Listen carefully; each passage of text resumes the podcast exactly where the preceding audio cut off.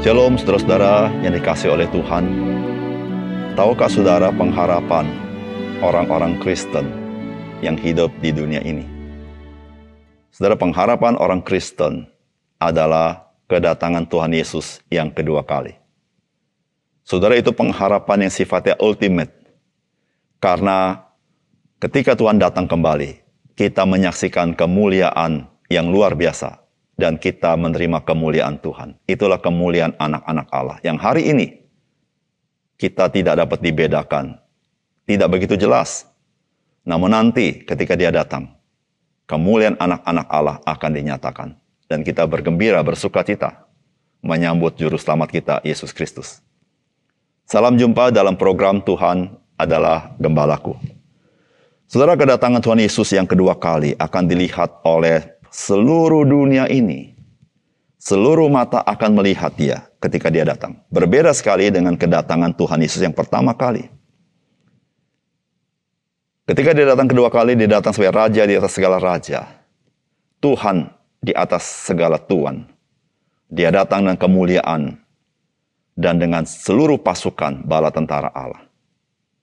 Tetapi ketika dia pertama kali datang ke dalam dunia, dia datang di dalam kehinaan. Bahkan kota Bethlehem sedang sibuk dengan urusan sendiri. Dan dia lahir di sana. Dan ketika Tuhan berbicara tentang dia akan menampakkan diri hanya kepada murid-muridnya. Tentu murid-muridnya heran. Karena mereka menyadari Mesias itu ketika dia datang, maka seluruh mata akan melihat Mesias itu. Tapi mengapa Yesus berkata, dia hanya menampakkan diri kepada murid-muridnya? Saudara mari kita merenungkan firman Tuhan dari Yohanes pasal 14 ayat 22 sampai 26. Yudas yang bukan Iskariot berkata kepadanya, Tuhan, apakah sebabnya maka engkau hendak menyatakan dirimu kepada kami dan bukan kepada dunia? Jawab Yesus, jika seorang mengasihi aku, ia akan menuruti firmanku. Dan Bapakku akan mengasihi dia dan kami akan datang kepadanya dan diam bersama-sama dengan dia. Barang siapa tidak mengasihi aku, ia tidak menuruti firmanku. Dan firman yang kamu dengar itu bukanlah daripadaku, melainkan dari Bapa yang mengutus aku. Semuanya itu kukatakan kepadamu selagi aku berada bersama-sama dengan kamu. Tetapi penghibur yaitu roh kudus yang akan diutus oleh Bapa dalam namaku, dialah yang akan mengajarkan segala sesuatu kepadamu dan akan mengingatkan kamu akan semua yang telah kukatakan kepadamu. Saudara yang dikasih oleh Tuhan, Yudas yang bukan Yudas Iskariot bertanya mengapa Tuhan Yesus hanya menyatakan diri kepada murid-muridnya saja, bukan kepada dunia ini. Ini mungkin respon dari perkataan Tuhan Yesus di dalam Yohanes pasal 14 ayat 19. Tinggal sesaat lagi dan dunia tidak akan melihat aku, tetapi kamu melihat aku, sebab aku hidup dan kamu pun akan hidup. Saudara memang peristiwa yang akan terjadi dengan Tuhan Yesus tidak mudah untuk dipahami. Karena apa yang Tuhan Yesus katakan, sesuatu yang sifatnya masa akan datang, yang sulit sekali bagaimana bisa mengertinya.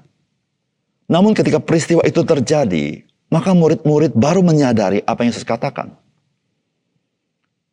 Saudara, apakah yang dipesankan firman Tuhan dari bagian ini kepada kita? Saudara, yang pertama, saudara, relasi orang percaya dengan Allah adalah relasi kasih. Dan kenyataannya adalah Tuhan Yesus hanya menyatakan diri kepada murid-muridnya. Dan melalui roh kudus tinggal bersama dengan murid-muridnya. Firman Tuhan berkata begini, Yudas yang bukan Iskariot berkata kepadanya, Tuhan apakah sebabnya maka engkau hendak menyatakan dirimu kepada kami dan bukan kepada dunia? Jawab Yesus, jika seorang mengasihi aku, ia akan menuruti firmanku dan Bapakku akan mengasihi dia. Dan kami akan datang kepadanya dan diam bersama-sama dengan dia. Barang siapa tidak mengasihi aku, ia tidak menuruti firmanku. Dan firman yang kamu dengar itu bukanlah daripadaku, melainkan dari Bapa yang mengutus aku. Saudara-saudara dari bagian firman Tuhan ini, Tuhan Yesus mau mengajarkan sesuatu yang sangat berharga. karya Kristus adalah sifatnya rekonsiliasi. Sehingga kita memiliki relasi kasih dengan Allah. Saudara ketika kita dikatakan menuruti firman-Nya, itu bukti kita mengasihi dia. Dan Bapa mengasihi kita. Dan Alkitab berkata, bagaimana kita tahu Bapa mengasihi kita pada waktu itu? Maka dikatakan kami akan datang kepadanya dan diam bersama-sama dengan dia. Saudara kasih ekspresinya adalah kedekatan. Dan saudara bagaimana Allah menyatakan dia dekat dengan kita? Yaitu dia tinggal bersama-sama dengan kita. Saudara orang yang tidak mengasihi Tuhan. Mengapa Tuhan tidak menyatakan diri kepadanya? Karena orang yang tidak mengasihi Tuhan, dia tidak taat kepada firman Tuhan. Dan orang ini tidak punya relasi dengan Tuhan karena dia tidak mengalami rekonsiliasi dengan Allah. Maka sebagai wujudnya Allah tidak menyatakan diri kepadanya dan tidak tinggal bersama-sama dengan dia. Tetapi bagi orang yang mengasihi Tuhan, yang menerima kasih Tuhan, maka wujud relasi yang begitu dekat dengan dia adalah yaitu dia menyatakan diri kepada kita dan dia tinggal bersama-sama dengan kita. Saudara-saudara yang kasih dalam Tuhan, mengapa Tuhan Yesus hanya menyatakan diri kepada murid-muridnya, bukan kepada dunia ini? Karena dia ingin memberitahukan. Kedatangan yang pertama adalah membangun relasi antara kita yang percaya dengan Allah. Itu yang dikerjakan di salib. Saudara, biarlah kita memiliki semangat dekat dengan dia, bersekutu dengan dia. Karena itu harganya begitu mahal, yaitu seharga darah Yesus Kristus. Yang kedua, setelah firman Tuhan hari ini memberitahukan kepada kita kehadiran Roh Kudus di dalam diri orang percaya untuk menolong orang percaya memahami dan mengingat perkataan yang telah Tuhan katakan. Sehingga iman orang percaya kepada Tuhan Yesus diteguhkan. Setelah firman Tuhan berkata, semuanya itu kukatakan kepadamu selagi aku berada bersama-sama dengan kamu. Tetapi penghibur yaitu roh kudus yang akan diutus oleh Bapa dalam namaku, Dialah yang akan mengajarkan segala sesuatu kepadamu dan akan mengingatkan kamu akan semua yang telah kukatakan kepadamu.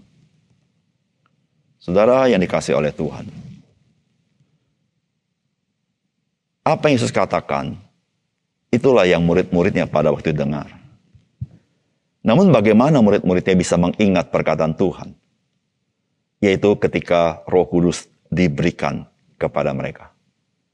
Karena roh kudus adalah roh Allah yang tinggal dalam diri mereka.